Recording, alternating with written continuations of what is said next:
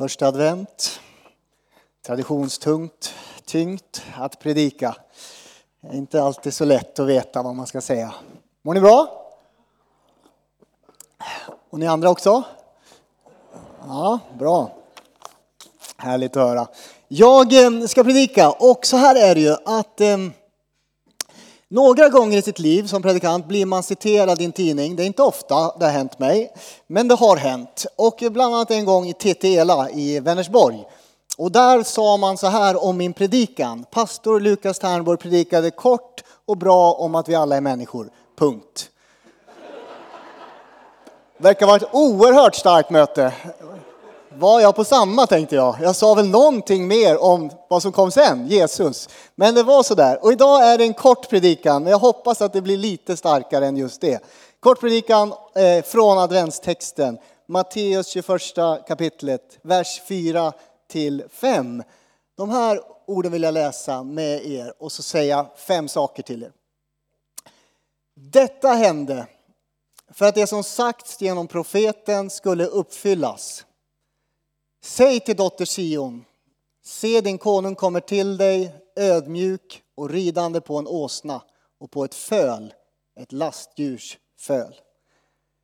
Vi ber. Tackar dig Jesus för ditt ord. Vi har läst hela texten förut och nu ber vi här att vi säger någonting till oss in i vår tid, in i våra liv i den här stunden. I Jesu namn. Amen. Alltså jag har fem saker att säga utifrån den här texten. Eh, det första jag vill säga är att Jesus kommer, din konung kommer till dig idag. Idag handlar det om dig som sitter här och han kommer i adventstid. Advent betyder ankomst. Han kommer för att möta just dig som är här idag. Han kommer rakt in i ditt vardagsliv, det är min andra punkt. Han kommer och ger ditt liv en profetisk dimension. Han kommer ödmjukt. Ser du att han kommer? Fem saker som jag vill dela med mig av ifrån den här texten. Alltså Jesus kommer till dig, vi börjar med ettan. Han kommer till dig. Vår konung, han kommer ridande, har vi redan hört, på en åsna. Han kom en gång för 2000 år sedan. Vi vet att han ska komma tillbaks, en andra advent kommer. Men han kommer till dig idag och anländer in i ditt liv, in i din livssituation, in i din kamp, in i din familjesituation, var du än befinner dig, in i din sjukdomstid, in i din glädje, in i din ensamhet, var du än just nu befinner dig, så vill han i adventstid att du gör plats så han kan anlända in i ditt liv. Han kommer till dig. Varifrån kommer han? ställde jag frågan till texten. Vart är han på väg? Eller vars är han på väg som man säger i Norrland? Vart går han sen? Jag vet inte om ni har tänkt på det när ni läser texten. De här funderingarna funderar jag på. Och då står det i Lukas evangeliet. Då står det så här. Vi kan ta bort den där texten, det är så många som tittar på den. den är så. Ehm, då står det så här i Lukas evangeliet. Han kom från Betfage och Betania vid Olivbergets fot. Det var därifrån han kom, från Betania. Den här platsen Betania kan enligt vissa betyda lidandets hus.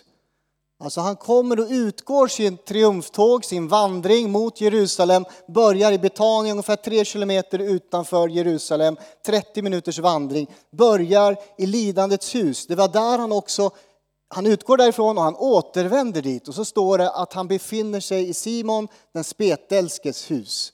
Alltså Betania kan vara platsen där de spetälska försköts. Från Jerusalem blev du sjuk, fick du inte vara bland andra människor och då fördrevs man och fick befinna sig i utkanten. Borta i Betania, i lidandets hus, lidandets plats. Det är också i Betania som Jesus säger så här, och det har vi nästan sett lite bilder av här, men det är där i Betania Jesus säger, de fattiga har ni alltid hos er. I Betania han uttrycker de orden när han är hemma hos Marta, Maria och Lazarus och hon har ju knäckt den där eh, oljan och, och, och, tvättat hans fötter och torkat dem med sitt hår och Judas blir arg. Varför slösar man så mycket pengar? Och då säger Jesus, de fattiga har ni alltid hos er, mig har ni inte alltid. Och då tänker jag att då ser de runt omkring sig, i Betania levde de fattiga. Där fanns de utstötta, de förskjutna, de som inte någon annan var med. Det är i Betania som Lazarus uppväxt från de döda. Alltså Jesu bror eller vän menar jag, Marta och Marias bror, dör, läggs i en grav och Jesus uppväcker honom döda. Det är alltså i Betania, lidandets hus, lidandets plats, på den lägsta, på samhällets botten. Där börjar Jesu eh, triumftåg när jag läser i evangelietexterna. Och så börjar han vandringen upp mot Jerusalem. Och jag tänker i den här adventstiden Att det är i din kamp, i ditt lidande, i dina svårigheter som Jesus nu kommer med sitt segertåg in i ditt liv idag. Han kommer till dig.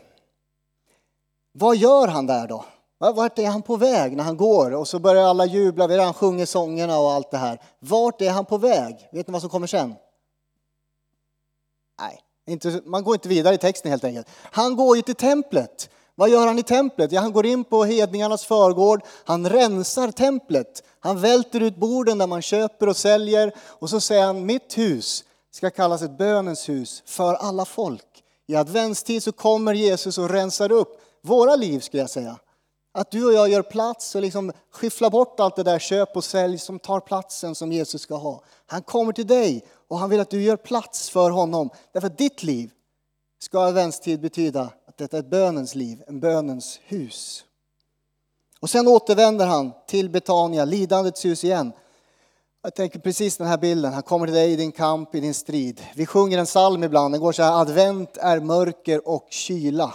Jorden är krig och kallt. Och så i andra versen, förbarma dig Gud över jorden, i all nöd, all förtvivlan du ser. Advent ser jag börjar, hans vandring börjar i mörker, inte bara i ljus och glädje, men det leder faktiskt till glädje och hyllningssång. Hans triumftåg börjar där, i kampen, i lidandet, i svårigheterna och han kommer till dig i din kamp, i ditt lidande, i dina svårigheter idag. Det var nummer ett. När kommer han? Eller hur kommer han in i vårt liv? När jag läser texten så tänker jag så här, han kommer rakt in i vårt vardagsliv. Rakt in där du befinner dig just nu. Det är så här, de flesta gudsmöten, eller många gudsmöten jag gör, det är faktiskt rakt in i min vardagssituation. Det är härligt att vara på gudstjänst, då gör man gudsmöten. Det är härligt att vara på bönemöten, men jag ska berätta sen lite. Men jag tänker så här, han kommer på en åsna. Det är något helt alldagligt vanligt. Det är ingenting eh, spektakulärt, det är ingenting att notera överhuvudtaget. Det här händer jämt, att en man rider in i Jerusalem på en åsna. Vi har gjort det till en, wow, vilken grej. Det är ingen grej överhuvudtaget, eller hur? Det är som att ta bussen till Uppsala. Vi håller inte på att skylta med det och så blir det jubelsång. Ja, de tar bussen till Uppsala, fantastiskt. Nej, han kommer på en åsna, en man rider in och så tänker vi wow, vad är det här? Nej, det är inget anmärkningsvärt överhuvudtaget. Och så tänker jag att Jesus kommer ganska ofta. I det, liksom det enkla, det vanliga, i vardagen så kommer Jesus till dig. Han kommer till fiskarna som sitter och rensar nät, eller hur? Och så kallar han dem, kom och följ mig, mitt i vardagens arbete. Han kommer till Petrus svärmor, hon ligger i feber. Och så bara helt plötsligt, i en liten rad står det, han botar hennes feber. Rätt i vardagslivet. Så enkelt kommer han till oss. Och jag tänker att det är så han gör med oss också. Vår kung kommer ridande. Rakt in i våra liv, mitt i vardagen. I alla livets skiften, när du sitter vid ditt middagsbord. Jag ber att den här adventstid och juletid, låt Gud komma vid din måltids gemenskap med din familj. Låt han vara där i vardagen. Han kommer när man sitter och eh, viker tvätt eller sorterar strumpor, gör jag kopiöst mycket. Jag vet inte om ni andra gör det också. Det är en sån där grej när man har fyra barn. Alltså, och som skitar ner sig hela tiden också. Det är fruktansvärt. Ehm, jag, jag, jag faktiskt, en liten bisats nu, men jag känner mig som Jesus varje kväll nästan när jag tvättar mina barns fötter. De måste ner i badkaret innan de går och lägger sig. Så här är det, vardagslivet kommer Jesus. Eh, han rider in och det blir liksom hyllningskör och det blir segersång. Eh, det börjar liksom mitt i, det är liksom inget att, att notera överhuvudtaget. Eh, hemma hos mig, nu är det inte gräsklippartider, men jag vet inte om ni gillar att klippa gräs. Jag har en ganska stor tomt och eh, där klipper jag gräs. Två, tre timmar tar det ungefär att klippa min tomt. Och så när man nyss har klippt klart så måste man klippa igen. Och så här är det ju, speciellt i juni. Och då brukar jag stoppa i såna här proppar i öronen eh, med musik och, och spela lovsång hela tiden. Och så går jag och sjunger och kör den här maskinen mitt i vardagens bestyr och arbete så sjunger jag högt lovsång. Och så upplever jag glädje och seger och härlighet faktiskt när man kör den där. Ganska ofta händer det. Jag tänker det här är mitt i vardagen när jag går där hemma. Och ibland får jag en applåd, faktiskt. Eh, och då är det grannarna som sitter och solar. Och säger wow, vilken sång! Eh, ytterst pinsamt, men i varje fall. Mitt i vardagen kommer Gud till mig när jag kör min maskin. Jag tänker hela tiden, Jesus kommer i vardagen. Sen råkar folk känna igen någonting i eh, profetian som gör att de är där och hyllar honom. Han kommer till dig Den ridande konungen kommer till dig mitt i din vardag. Nummer tre. Han kommer profetiskt. Jag tänker, det hände för att det som sagts genom profeten skulle uppfyllas. Det är Sakarja som, som profeterar just det här som vi läste. Se, din dotter Sion. På samma sätt kommer Jesus till dig, mitt i lidande, mitt i kamp, mitt i svårigheter. Rensar han upp våra liv så att det blir en bönens plats på nytt i våra vardagsliv så kommer han och då får våra liv en profetisk resning. Det är viktigt att se det här. Att jag är skap för någonting större än min gråa trista vardag.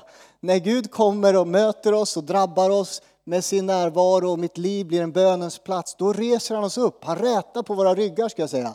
Vi lever för någonting större, någonting högre, någonting viktigare.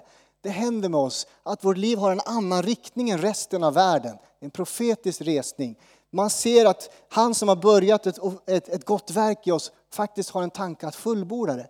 Om du inte du känner nu är det bara grått och trist och så här. Ja, men låt Gud komma med sin härlighet, med sin närvaro. Då reser han dig upp och så ser du med ett profetiskt perspektiv att framtiden ser ljus ut. Inte mörk ut, inte dyster ut. Därför att vi lever ju från första advent och vi väntar på andra advent. Inte nästa söndag, utan hans andra ankomst.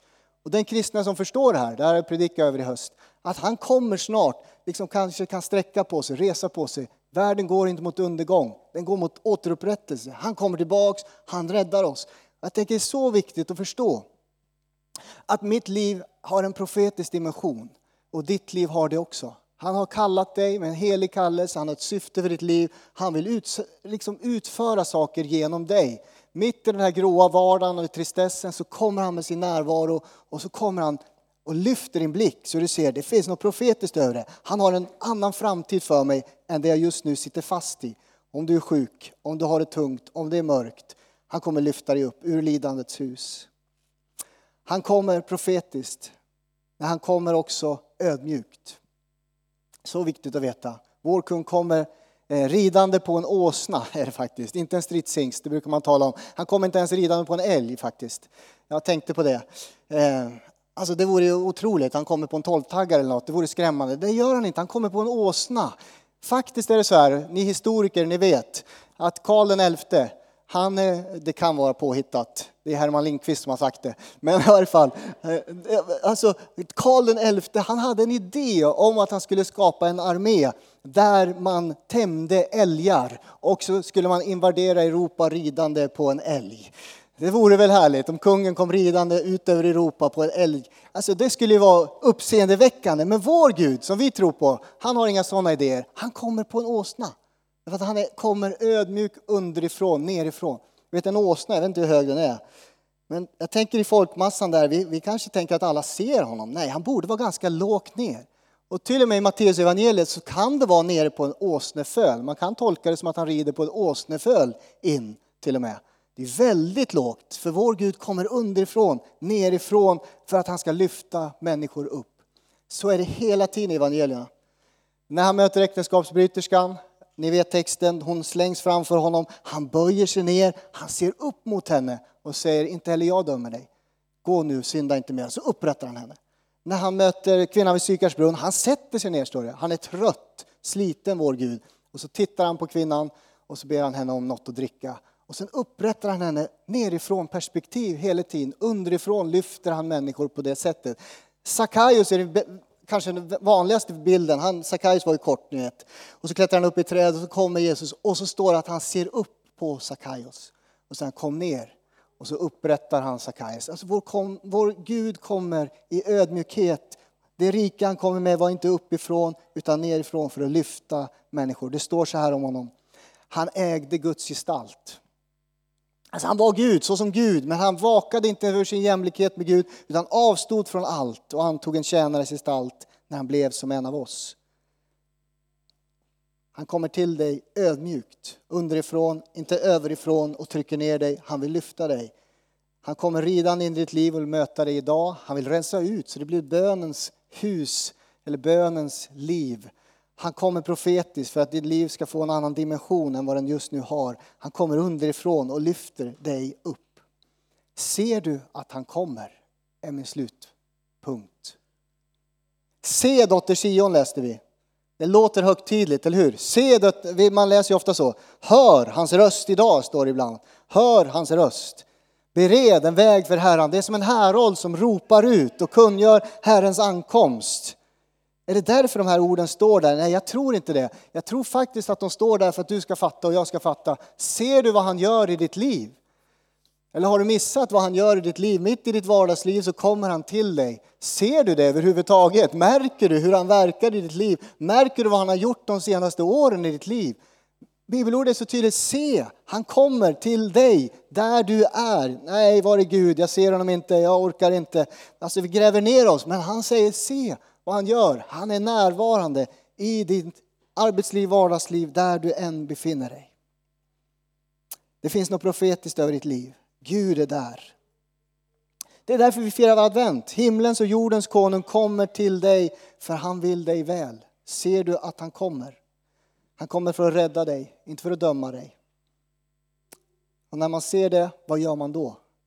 Vad gör du när han kommer? I adventstid, i juletid? Ja, man öppnar sitt liv såklart. Man öppnar sitt hjärta och säger kom Herre Jesus kom. Kom, jag behöver dig. Och i den här adventstiden så ber jag i ditt hem, i ditt hus, var du än är. Liksom gör plats för honom. Låt honom komma. För han vill verkligen det. Mitt i din situation vill han röra vid dig. Det var mitt budskap idag. Det var kort, men det var från den här texten. Och jag ber för dig just nu. Kan du öppna ditt hjärta så får jag be. Tack Jesus. Tack Herre. Jag tackar dig för den här församlingen Herre. Vi behöver göra plats för dig. Vi förstår det Herre. Så mycket annat som just nu tar fokus Herre. Och jag ber Herre att vi ska liksom vara, vara, vara, vara lyhörda och vakna för det där tilltalet, din närvaro, ditt ingripande. Att du är där Herre. Och du lyfter oss upp Herre i den här tiden. Du lyfter oss upp Herre. Du ser hur du kom, du liksom började i lidandets hus i Betania, på den platsen där så många människor kämpade och led. du ser att i den här församlingen finns det människor som kämpar och lider. Och jag ber dig Herre, res dem upp var och en Herre. Tack Jesus. Herre, vi ber för det här profetiska, att vi ser att vårt liv har en större mening, ett större syfte. Herre. Jag ber att det ska bli uppenbart för oss, att vi ser det Herre bara inte jobba på med vårt, utan vi, vi jobbar för dig och för ditt verk och för ditt rike, Herre. Vi får vara som Lasse sa, en åsna, bära människor till dig, Jesus Kristus. Vi får bära dig fram till människor, Herre. Tack Jesus. Tackar dig, Herre. Tackar dig att du sänder ut den här församlingen i adventstid. Tack Jesus. Halleluja. Ber så i Jesu namn. Amen.